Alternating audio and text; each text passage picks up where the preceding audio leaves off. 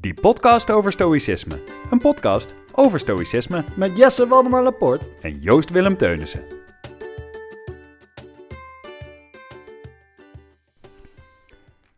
Daar zijn we. Welkom. Aflevering 4 Jeetje, dat gaat van snel. die podcast over stoïcisme. Welkom terug. Ja, dankjewel. Jij ook. Dank Fijn je. dat je er weer bent. Joost.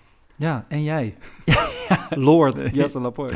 Ja, ja, ja, sinds kort mag ik mezelf Lord noemen. Nice. Ja, dat was een, eh, een cadeautje dat ik recent kreeg. Ik kreeg een stuk grond in Schotland en daarbij komt dan de titel Lord. Hoe vet voelt dat? Ik, ik weet niet precies welke emotie erbij kwam kijken, maar ik was overdonderd. Letterlijk overdonderd door dit cadeau. Ik, ik, was, ik was trots, ik was verbaasd, ik was giegelig misschien. het, was, het was een heel vreemd gevoel. Ja, Nice. ja, maar wel heel erg leuk. En nu eh, ja, heb ik een titel die ik ook op mijn betaalpas mag zetten, heb ik begrepen. Oh, ja, Ja, ja, ja, ja. Dus, ja Helemaal uitbuiten dit. Ja, dit, eh, ja, ik dacht, ik kan dit misschien nog op LinkedIn zetten of zo. Als u een lord inhuren, hier ben ik. Zoiets. hey, maar vroeger had ik het idee, en misschien nog steeds een beetje, dat het lot iets is van, nou bijna van religieuze mensen. Dat, dat ik dacht, eh, stoïcisme kan haast niet echt rijmen met van het lot houden omdat ik dacht, als je gelooft in het lot, dan geloof je dus dat er iets, iets groters is. Dan geloof je dat er meer aan de hand is dan gewoon het leven. Als in, het lot klinkt als iets dat voorbestemd is, toch? Ja. Dat ik dat denk komt deels door uitdrukkingen als je kunt het lot niet ontlopen, je kunt je lot niet ontlopen, je kunt het lot niet tarten, dat soort dingen. Ik schreef op mijn vijftiende schreef ik een tekst. Je kunt het lot niet tarten, tarten, anders was het niet het lot. En dat, dat schreef ik omdat ik dacht, ja, als dat lot toch al vast ligt, dan heeft tarten helemaal geen zin, toch? Nee. Dat, bestaat niet. Maar ja, als ik dit dan in context van de Stoïcijnen lees, amor fati, eh, hou van het lot, dan moet ik dat misschien anders zien. Dan is het lot dus misschien wel inderdaad meer, je, je kan niks doen aan de omstandigheden, aan zoals het gaat. En zoals ik denk Aurelius zei, die zei zoiets als: als je wenst dat alles gaat zoals het gaat, dan krijg je altijd wat je wil. Mhm. Ja. ja. Dat zou echt iets zijn wat Aurelius gezegd heeft. Ja, ja, ja. ja dus dan, dus dan je, je wensen komen altijd uit. Dus je wenst dat alles gaat zoals het Ja, gaat. ja, het ja, ja en dat, dat klinkt natuurlijk heel oké. En dat is, nou ja, dan weer vergelijkbaar met een soort eh, wees tevreden met wat je hebt. Of Ja. eh, hij die nooit meer wenst, heeft altijd genoeg. Ja. Je, zoiets is het. En als ik op die manier naar het lot kijk, denk ik, oh ja, dan, dan hebben ze misschien wel gelijk. Maar hoe zie jij dat? Ja, nou, ik, ik denk dat ik daar wel mezelf in kan vinden. In de zin van wat eh, Aurelius daarover zegt. Als je omarmt wat je gebeurt, ja, dan, dan, dan kun je met alles een soort vrede hebben. Mm. Hoewel ik tegelijkertijd denk, ja, dat is echt niet te doen, vent. Nee, nee, nee. Heb, heb jij wel door een pandemie geleefd? Oh, dat heeft hij trouwens. Hij Hij, heeft weet- gewoon door een, door een plaag ook heen geleefd, Ja. trouwens. Dus daar heeft hij wel. Hij, hij weet, weet zeker waar hij, het over heeft, goed. Ja. waar hij het over heeft. Oh ja, en hij was ook nog eens keizer. Ehm, En hij verloor zeven kinderen of zo van de dertien. ja, acht geloof ik zelfs. Ja, Het, het voelt gewoon niet eerlijk, toch? nee. Zo nee. van, hoe kun je zo'n sterk karakter hebben en zoiets zeggen? Ik denk dan steeds van... oh, hij, hij zegt ook als, je, je mag niet klagen en zo, toch? Ik, Ja. ik ga denk ik... Ik ga denk ik die uitdaging aan, dat je dus zo'n armbandje omdoet. En elke keer als je klaagt, moet het ding om een andere arm. Ja, ja, ja, precies. En dan ja. moet je proberen zo min mogelijk dat ding op een andere arm eh, te zetten. Ja, Dus zo min er mogelijk moeten klagen. streamen in je armen komen, eh, op één plek het liefst, omdat je anders gaat het niet goed. Ja, zo heftig is het ook niet. Nee, nee maar het, nee, ja, ik, ik, ik snap goed wat je zegt. En ehm, ik, ik denk dat dat misschien wel de allergrootste uitdaging is in het stoïcisme, namelijk de omstandigheden accepteren zoals ze zijn. Ja, En dat is, dit is vergelijkbaar natuurlijk met wensen dat het gaat zoals het gaat. En als, als ik daar een, een quest van kan maken voor de rest van mijn leven en ik kom daar steeds dichterbij, ben ik volgens mij al tevreden. ja. Volgens mij hoef ik dan, eh, weet je, dan, dan ben je echt een heel eind. toch? Ben je misschien niet Ja. verlicht, maar je bent wel echt een heel eind. Nou ja, het- ik denk dat het streven ook het belangrijkste is. Zeg maar, het is niet alsof je daarin ergens ineens Siddhartha onder Nee. de olijfboom zult zijn. Nou ja, dat is het idee van verlicht zijn toch ook? Je, je kan er altijd naar streven en er is een kans dat je het nooit wordt. En als je het wil worden, dan ben je het sowieso niet. Maar Ja. het kan zijn dat je het opeens bent. Ja. Er kan een moment zijn dat je opeens verlicht bent. Ja. Ja, en er kan een moment komen dat jij en ik opeens denken de omstandigheden. Ik heb acht kinderen verloren. Nou ja, het ding is natuurlijk ook. Het heeft geen zin om je te verzetten Nee. tegen de omstandigheden. En dat is absoluut waar. Maar het is heel moeilijk Ja. om je daar niet tegen te verzetten. En misschien dat we daar ook wel tegen het punt aanlopen dat emoties ervaren oké is. Dat dat niet hetzelfde is als je verzetten. Dus ja. als jij en ik acht kinderen zouden verliezen, dan mag je daar natuurlijk om huilen, omdat je het vervelend vindt, omdat je Ja. het jammer vindt. Maar op het moment dat je roept, het is oneerlijk, of op het moment dat je jezelf klem gaat zuipen, of het moment dat je de, de omstandigheden anders probeert te maken, of mensen dit gaat verwijten, of de pandemie gaat neerleggen bij de burgers omdat je Marcus Aurelius bent, dan ben je dus niet meer aan het omarmen. En dat, dat is misschien ook ingewikkeld. ja, dat denk ik ook. Maar dat is wel heel lastig. Ja, Ik, ik denk, je komt daar alleen als het, nou ja, misschien wel noodlot, om het dan even zo te noemen, ja, ja. ja. je zo heeft getart dat je er dus doorheen leert kijken. Zou er verschil zijn tussen het lot en het noodlot? Ja, ik, ik denk dat dat dus een verschil is in perspectief, maar dat ze in Ja. principe in wezen hetzelfde zijn. Ik denk dat een echte stoïcijn niet gelooft in het noodlot. Dat Nee. hij dan, als hij al gelooft in het lot, dan is het gewoon allemaal het lot. Dan is het allemaal lot. Ja, Ja, of het nou noodlottig is wat je overkomt of niet. ja. Het is hetzelfde ding. ja noodlot is gewoon, er gaat iemand dood. Ja. ja, dat, Einde. dat, ja, daar heb je je niet tegen te Ja. verzetten. En, dat, En nou dat, ja, want dat is niet iets slechts. nee, Do- doodgaan is niet iets slechts, zeggen de Stoïcijnen ook, toch? nee, er is ook geen goed of Nee. slecht. Er is Ja. gewoon iets dat gebeurt. Ja. ja, en dat, nou ja, ik, ik, als ik dat zeg en als ik dat hoor of als ik dat lees, dan denk ik ook wel, ja, dit is zo ontzettend waar. Het heeft zo ontzettend geen zin om me te verzetten tegen de situatie zoals die is. Ja. Ik kan me wel verzetten tegen mijn eigen handelen bijvoorbeeld. En dat heeft heel veel zin. En nu ik dit ook tegen jou zeg, denk ik, ja, dat is zo. En dit is absolute waarheid wat mij betreft. Zeg maar, ik, ik kan dat maar over weinig dingen zeggen, maar het is absolute waarheid dat het geen zin heeft om je tegen de situatie zelf te verzetten. Je kan je wel tegen een heleboel andere dingen te verzetten, een heleboel andere dingen verzetten. Ik bedoel, stel je bent een slaaf, je bent zoals Epictetus, was- Epictetus was de slaaf. Ja. Hij kan zich op zich verzetten tegen slavernij, maar niet tegen de omstandigheden zoals ze zijn in die zin. Hij kan zich wel, hij kan anders handelen, hij kan ervoor kiezen om wel of niet gebukt te gaan eronder en hij kan zijn stem laten horen. Maar zoals de situatie zelf is, daar kun je niet tegen vechten. En dat voelt, als ik dat zeg, denk ik, ja, als ik iemand verlies, of als ik pijn heb, of als ik ziek ben, of als ik bang ben, of als ik boos ben, het heeft geen zin om me te verzetten tegen de situatie. Dat is het geval. Wat ik wel kan doen, is kijken hoe ik reageer. Maar pas het maar eens toe. Ja, hè? Ja, Ja, dat is, dat is zo lastig. Ik, ik had toevallig een situatie waarin ik eh, heel snel naar iemand toe zou gaan, sneller dan gepland was. ja, Kun je nu komen? Ja. Oh, in plaats van over anderhalf uur? Oké, nee, ik, ik kom wel. Ik trek mijn onderbroek aan. En, en, toen, en toen was ik toch nog iets vergeten, moest ik toch nog even naar de winkel, want dat moest ik echt halen. Ja, En toen was ik in mijn haast, was ik ook eh, vergeten dat mijn eh, sleutel nog in mijn voordeur zat.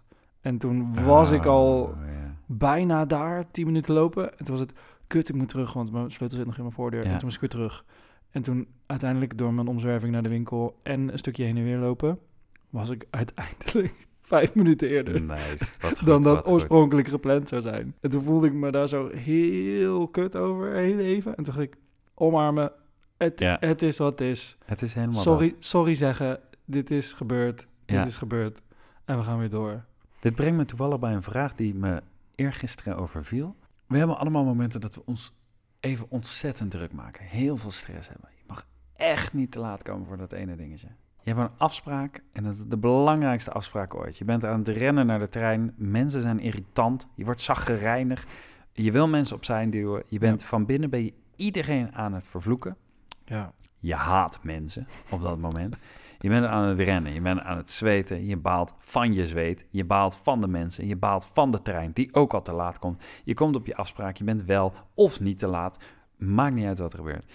Die situaties hebben we allebei waarschijnlijk talloze keren meegemaakt, toch? ja 100%. Ja. Als je nu terugkijkt naar één van die situaties en dan probeer even niet die vorige situatie die je net aanhaalde, probeer even te kijken of je een Hmm. andere erbij kan halen. Ja, Als je nu naar dat gevoel toe gaat, had dat zin? nee, Was dat het waard? nee. Ehm, als je nu terugkijkt in, in perspectief van je hele leven, als je uitzoomt, sloeg dat ergens op? Nee, compleet nergens op. Nee. De situatie die ik voor me heb is een eh, vorm van chagrijniteit wat ontstond door een verkeerssituatie. Ja, Ja, daar heb je dus helemaal jezelf mee. ja, Chagrijnig worden omdat iemand zo je afsnijdt. ja. Absoluut. Dat je bijna wil schreeuwen Ja, en roepen. ja. Als het al te laat is. Ja. Als je al bent afgesneden. Ja. Ja. Ja, dat is al gebeurd. ja. Ga je er lekker boos om worden. Ik ben niet zo heel gauw zagrijnig, maar als ik dan en slecht heb geslapen en last heb van mijn lijf en fysieke pijnen ervaar en ik heb dan bijvoorbeeld afgesproken of ik heb een optreden of ik, ik moet ergens zijn en ik ga dan met iemand en die iemand die neemt nogal zijn tijd en ik ben klaar. Dat maakt dat ik heel zagrijnig word. Ik denk, ja, maar we moeten hier nu zijn en ik ben klaar en jij niet en we hebben vijf minuten en we gaan dat niet redden. En dan ga ik me haasten en dan ga ik zweten.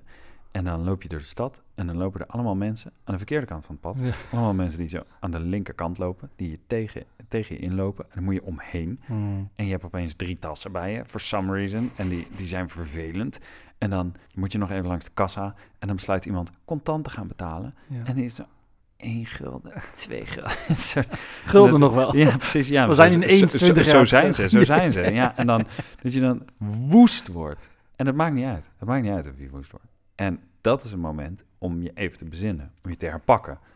Een soort, maakt niet uit, ik kan tegen deze vrouw gaan schreeuwen. Het gaat niet sneller. Ik kan die portemonnee uit de handen slaan, ik kan weglopen, ik kan niet iets kopen, ik kan geen eten halen. Maar goed, dan verhonger ik vanmiddag, wil ik ook niet. Je kan boos worden op die mensen die aan links lopen, maakt ook niet uit. Het haalt allemaal niks uit. Het enige wat je had kunnen doen is misschien eerder vertrekken. Ja, Maar dat is niet aan de hand.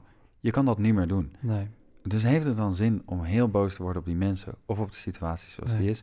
Of kun je gewoon naar eer en geweten handelen en proberen zo snel Ja. mogelijk te doen wat je moet doen? En op het moment dat je moet wachten op een mevrouw die haar zogenaamde guldens aan het tellen is, wachten tot die mevrouw haar guldens heeft geteld. Ja. ja, ik denk dat er een hele scherpe, bepaalde tegenwoordigheid van geest op dat moment voor nodig is om te zien wat je aan het doen bent. Ja, Om je gewaar te worden van de situatie. Ja, Ik denk dat dat heel belangrijk is. Je proberen gewaar te zijn van dat wat gebeurt in jou en om jou heen.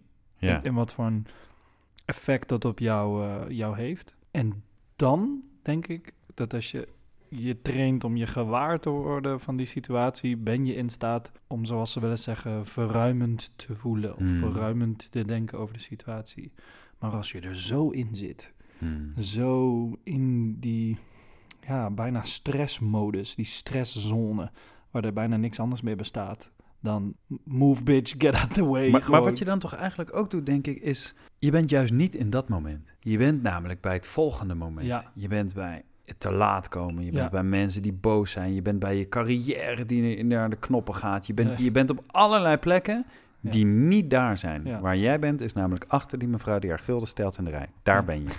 En daar ga je niks aan veranderen. Nee, Het enige wat je kan doen is weglopen. ja. Nou, dan verander je wel iets aan de situatie. Maar dat wil je niet, want je wil die snicker hebben. Dus, dus laat je de situatie zoals die is. En ik denk dat het probleem dus inderdaad misschien wel zit, is jij bent bij het volgende moment. Ja, Terwijl je dat moment, je hebt dat niet gezien. Je weet niet hoe dat moment gaat. Je kan niks aan dat moment doen nog. Dus wat je kan doen, is dit moment omarmen. ja, ja, ja. Het voelt een beetje alsof je nu zegt... Ik, ik voel me een beetje zo'n paard met zo'n hengel en zo'n wortel ervoor. Ja. Alleen ben je zelf het paard die die fucking hengel vasthoudt. Ja. Zo van, ik wil naar die wortel, ik wil naar die wortel. Ja. En je ziet, die, je ziet helemaal niet dat jij zelf die hengel vasthoudt. Ja. Ja, dat je gewoon die wortel kan opeten. Ja. Als je gewoon, gaat zitten. Ja. Nee, ja, maar, nee, Ja. maar snap je, je bent zo ontzettend bezig met, met een ander moment dan het moment waar je in bent, waarop je zou moeten reageren. Ja. En wat je daardoor doet, is het moment waar je in zit vervloeken, omdat jij een ander moment probeert te, voor, te beïnvloeden, als het ware. Je, wilt, je wilt voorkomen of altereren, je wil er iets mee doen, maar jij bent daar niet, Nee. je bent in dit moment. En het resultaat is dat je chagrijnig wordt, dat je het warm krijgt, dat je baalt, waar je niks aan hebt, waardoor Ja. het alleen maar erger wordt. Ja. Terwijl het duurt al langer en dat is al vervelend, maar daar ga je niks aan doen. ja, precies. Maar je kan er nog wel voor zorgen dat je het in ieder geval minder warm hebt. Gewoon- Ja, toch? ja, is dit niet ook wat mindfulness is? Deels werd mij verteld dat mindfulness vertragen is in je, in je handelen. Ja, En ik denk dat dat helpt om niet zo gestrest te zijn. ja, Want stress is versnellen. ja, En wat jij zo mooi zei, is ergens anders willen zijn dan hier. Je bent daar. Waar daar dan ook is, maar je bent daar. Stressen is misschien ook wel nooit hier zijn, maar altijd daar zijn. Daar, daar willen zijn. Ja, ja. Maar ik moet daarheen. Ja, precies. En, Ja. dat is, dat, en dan kunnen we misschien weer eh, het bruggetje slaan naar Amor Fati. Het is, jij staat achter die mevrouw met haar guldens. Ja. Die denkt dat het guldens Wat misschien het hele probleem is. Eén stuiver, één kwartje. Zeg maar, dit- snap je? Waar, Drie, waar, een kwartje vandaan haalt ook. Ja, precies. Nee, ja, het, het kan gebeuren en eh, daar ga je niks aan doen. En dat heb je te omarmen op dat moment. En op het moment dat jij dat lot, die fati niet amoort... ja, dan wordt het alleen maar vervelender... zonder dat er iets verandert aan de situatie. Ja, En als het nou wel zo is dat je iets kan veranderen aan de situatie, bijvoorbeeld, het is een trein die je echt niet kan missen. Het is de laatste trein naar je biologische ouders voordat ze sterven. Dan zou je nog kunnen kiezen om of voor haar te betalen, of de Snickers niet te kopen en dan met honger naar je ouders te gaan. Of ja. weet ik veel, iets in die trant. Je kan altijd nog kiezen voor gedrag. Maar boos worden in jezelf maakt het alleen maar erger. Ja. Dan groeit die olievlek. ja precies. En Ja. ja. ja, dat is de, die, die, ik weet niet, het voelt een beetje als die eh, zelfsabotage die je dan aan het doen bent. Ja, ja, absoluut. We hebben het heel af en toe gehad over Viktor Frankl, waar we later nog dieper op in zullen gaan. Ja, Maar hij zei volgens mij zoiets als: Between stimulus and response, there's a period of time. ja, En dat tussen dus de stimulus en de respons, dus tussen de, de ergernis die wordt opgewekt door de vrouw die de gulden stelt, en tussen het boos worden of het eh, irriteren of het vloeken binnensmonds Ja. of weet ik wel wat je dan ook doet, daar zit een kleine periode van tijd in en daarin kies je hoe je reageert. ja, En op het moment dat je dus inderdaad dat meemaakt en denkt, verrek, ik heb haast, ik moet ageren, dan zou je moeten kiezen, oké, ik blijf in dit moment ja, ik blijf hier staan. Ik ga hier niks aan veranderen. En dit is een beter moment op het moment dat ik accepteer dat dit gewoon nog even duurt. Ja. Of het is een beter moment als ik voor haar be- betaal of, ja, of wegloop. Omdat ik, nou ja, mijn honger minder belangrijk vind dan mijn trein. Bijvoorbeeld, dan verandert er iets. En die hele korte periode van tijd, ik denk dat je dat misschien wel kan trainen, kan ik me voorstellen. Ja. Dat je bij stimuli jezelf realiseert, wacht, ho, dit, dit is een Mm. stimulus ja. en nu ben ik aan zet. Ja. Het is een beetje schaken is Ja. het eigenlijk. Ja. Het, is een soort denksport eigenlijk in de praktijk. Ja. Ja, Ja, ik vind het ook Wat heel mooi dat hij stimuli en respons gebruikt. Want dat, dat maakt hem een heel erg stoïcijnse psychiater. Zo van, hij heeft heel goed de, de termen in de gaten waar hij over praat. ja, En ja, de wetenschap dat die man zo'n ehm, geleerde was... voordat hij naar het concentratiekamp werd gestuurd. ja. ehm, waar die letterlijk... Was hij dat al voordat hij erheen ging, ja? Ja, dat was hij daarvoor Oké. Ja. ja. sterker nog, hij probeerde met man en macht een manuscript... wat hij eh, Ah. schreef voor een boek bij zich te houden... en, en, en te, te koesteren. En dat, Ja. dat is toen ook met al zijn kleren toch van hem Oh, afgenomen bij het kamp. Onder andere, want man, wat is die... Is het, is heeft het die man nog... veel... Nou, heeft het dus in zijn hoofd... In de, in de, Nee, in- jawel, is hij het aan het, eh, heeft, heeft hij teruggehaald. Deze man. Terwijl hij eh, eigenlijk moest slapen op van die veel te eh, harde Ja, houten ja. bedden in dat kamp. Tussen 2000 mensen. Dus ja, ja. ja, ze moesten geloof ik met zes man één deken delen of zo. Rest, rust in vrede, Victor Frankl. Potverdorie. Ja, dat, is echt ziek als je, dat, als, als je verder komt in het boek. De Onze dingen, de dingen die, de dingen, ja, precies, de grondlegger van de Ja, eh, logotherapie. Wat ondertussen, kwam ik achter, dus gewoon heel erg ingebed zit in de hedendaagse eh, therapieën. Mm, ja, veel, want ja. heel veel gebeurt in die gespreksvorm, toch? ja, ja, in de acceptance en commitment therapie en dat Precies. soort... eh, Ja, ja, ja. Ja, en dat soort zaken. Wat we ook heel erg merken van stoïcisme natuurlijk. Dat er heel veel in de acceptance en commitment therapie... en heel veel in de mindfulness en heel veel in de cognitieve gedragstherapie... lijkt of is gestoeld op het stoïcisme. En Ja. dat zie je inderdaad sowieso in veel therapie. En dus blijkbaar ook in de logotherapie. En de grap is dat we dus in onze zoektocht naar het stoïcisme... weer heel veel van Viktor Frankl tegenkomen, van de logotherapie... die dus blijkbaar bewust of onbewust ook in ieder geval... flarden van het stoïcisme Ja. in zijn ontwikkelde therapie heeft verwerkt. Ja, en hartstikke logisch, want ergens zie ik heel veel overeenkomsten tussen bijvoorbeeld een Epictetus en een Viktor Frankl. En dan denk Ja. ik, het stoïcisme is therapeutisch. Ja, absoluut. Het is ontzettend therapeutisch. Ja. En dat, doet me dan zo deugd om te zien dat het de ene kant op gaat, maar ook de andere kant op gaat. Mm. Maar daar, daar hebben we eerder een gesprek over gevoerd. En dat wil ik je wel even laten citeren dan. Want er is een verschil tussen soort filosofie natuurlijk. Ja. En daarom wordt het stoïcisme vaak niet onderwezen. En volgens mij heb jij helder waarom het stoïcisme een ander soort filosofie is. Nou, dan moeten we denk ik even onderscheid maken tussen stromingen en soorten. Mhm. Want stoïcisme wordt gezien als een van de vele stromingen eh, der filosofie. En Ja. dat zijn er zoveel. Wikipedia heb je een lijst van A tot en met Z. Met net zoveel als dat er automerken zijn ongeveer. Ja, ja, ja. En dat gaat van eh, Duits existentialisme tot... eh, ja, dat gaat, dat gaat alle kanten Ja. op, zeg maar. Tot Noors scepticisme. Dat kan gewoon alles zijn. We hadden het eerder over overstijgend. Niet over eh, stromingen, maar soorten. Ja, Dus eh, ethica, ethiek. ja je hebt de, de, de, e- de ethische filosofie en dan Ja. heb je nog iets met de natuur. De, ja, metafysica. Oh ja, de metafysica. Ja. ja. En dan heb je de godsdienstige variant. Ja, En, en zo heb je nog een paar soorten. ja, eh, filosofie die te onderscheiden zijn.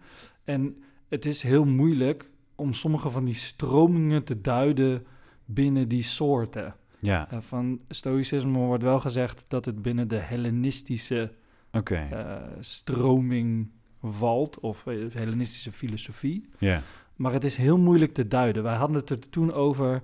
En als je het dan, zeker in stoïcisme, toespitst op die vier pilaren en dan vooral Hmm. kijkt naar eh, gerechtigheid, of hoe zeg je? Dan denk ik meteen aan de tak van de ethiek. En eh spreekt dat heel erg tot het stoïcisme. En, en, en kan ik me daarin Ja. vereenzelvigen.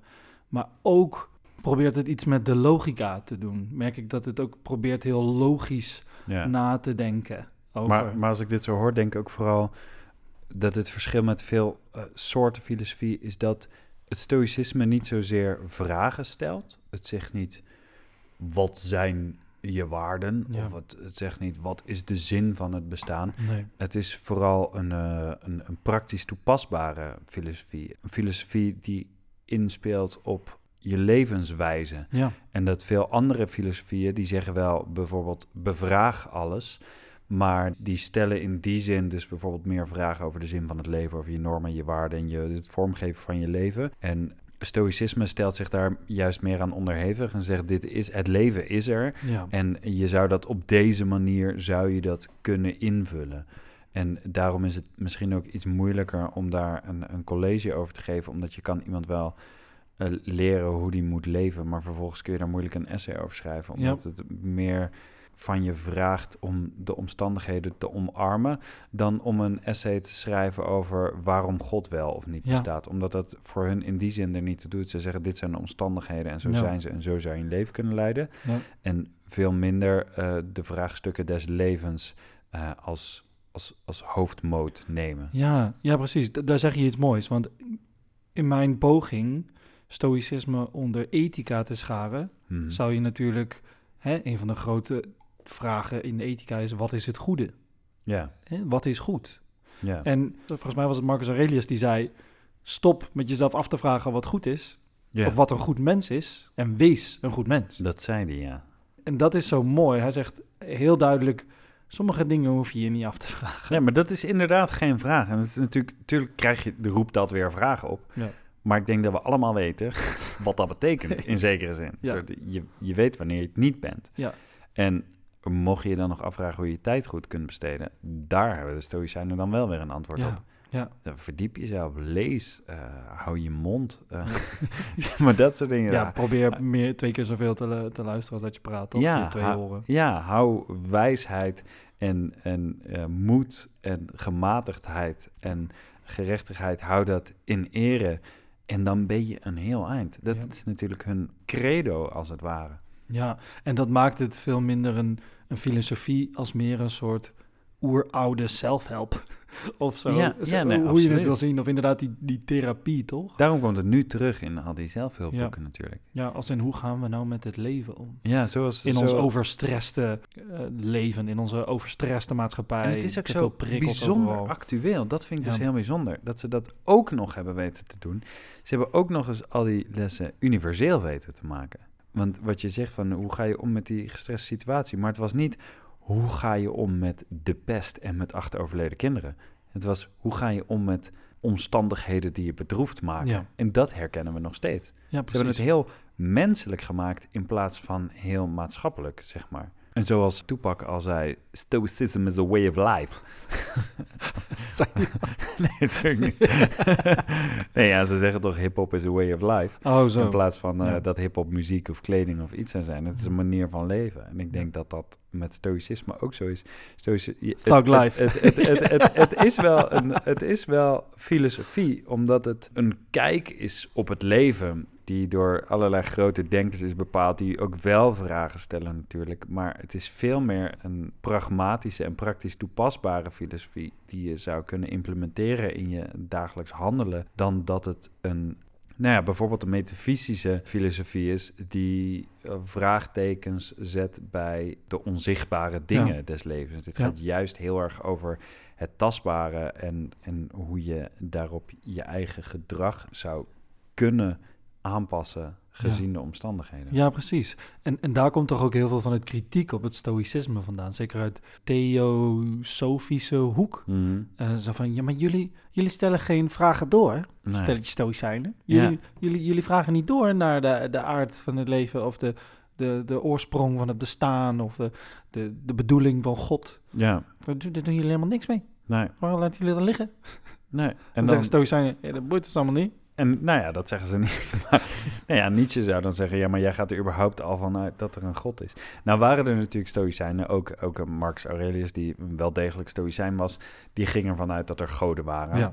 En eh, nou ja, wij kunnen dat enigszins lezen met een korrel zout, omdat 90% van zijn werk gaat zeker niet over de goden. En wij kunnen dat nog steeds toepassen, omdat veel van de stoïcijnen ook eh, God zagen als het verstand Of het woord. En dat, dat verschilt nog wel eens. Zij zeiden dat God is logos. En logos zou dan het woord of de reden zijn. Dus dat, is, dat kunnen we nog een beetje in het midden laten. Ja. Maar er waren stoïcijnen die het over God of goden ha- hadden. Ja. En zo ook dus Marcus Aurelius. En daar verder niet zo heel veel vragen bij Nee. stelden. Want hij zei ook zoiets als leef de weg van de goden. Leef zoals Ja. de goden het bedoeld hebben. Maar vervolgens heeft hij het ook heel vaak over leef zoals de natuur het bedoeld De heeft. menselijke natuur. De menselijke natuur. Leef zoals het lot op je afkomt. Dat soort dingen. Dus voor hem was dat al redelijk aan elkaar gelijk. Ja. En eh, voor Seneca, als ik me niet vergis, was dus God was eh, logos.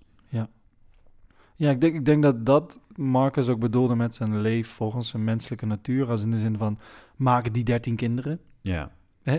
Doe het. hij deed het. hij, deed, hij deed het. Maar dat deed hij omdat hij het kon. Ja, Waarschijnlijk omdat hij die kinderen op zijn minst zeg maar, bij het verwekken dacht... die kan ik zo'n goed leven geven. Wist hij veel dat hij er acht zou verliezen op dat moment. ja. ja hij zal gedacht hebben, ik, ik, ik heb nalatenschap en dit is Ja. goed. Ja, precies. Zonder dat hij per se een, een of ander seksbeest was... wat continu bezig was om eh, te oefenen en vervolgens kinderen te Dat maken. denk ik niet. Hij is Nee. eh, 43 jaar lang voorbereid op dit leven. Volgens mij heeft hij inmiddels elke keuze heel doordacht gemaakt. Ja, vanaf of, dat of punt. in ieder geval de tijd gehad om die te kunnen maken, zoals stoïcijnen zouden zeggen. Ja, ja, absoluut. Goed.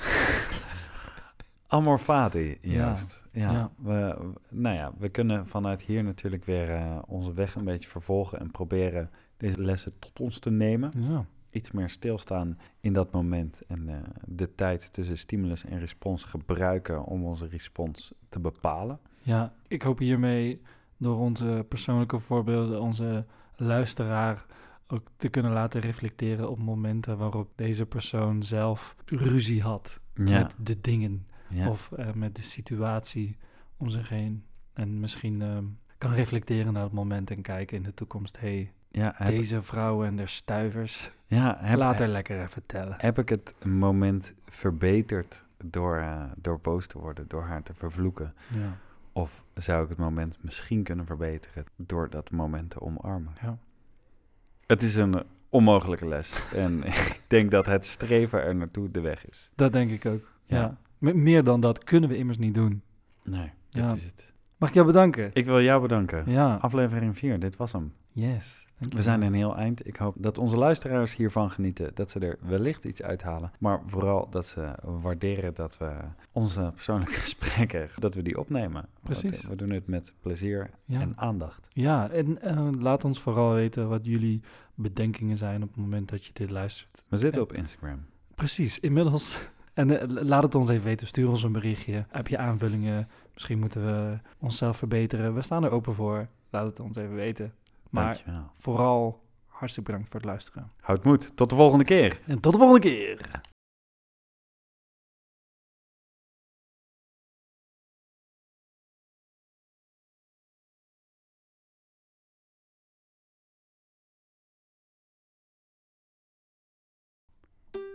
Dit was weer een aflevering van die podcast over stoïcisme. Bedankt voor het luisteren. Je vindt ons in je favoriete podcast-app. Volg ons op Instagram En tot de volgende keer.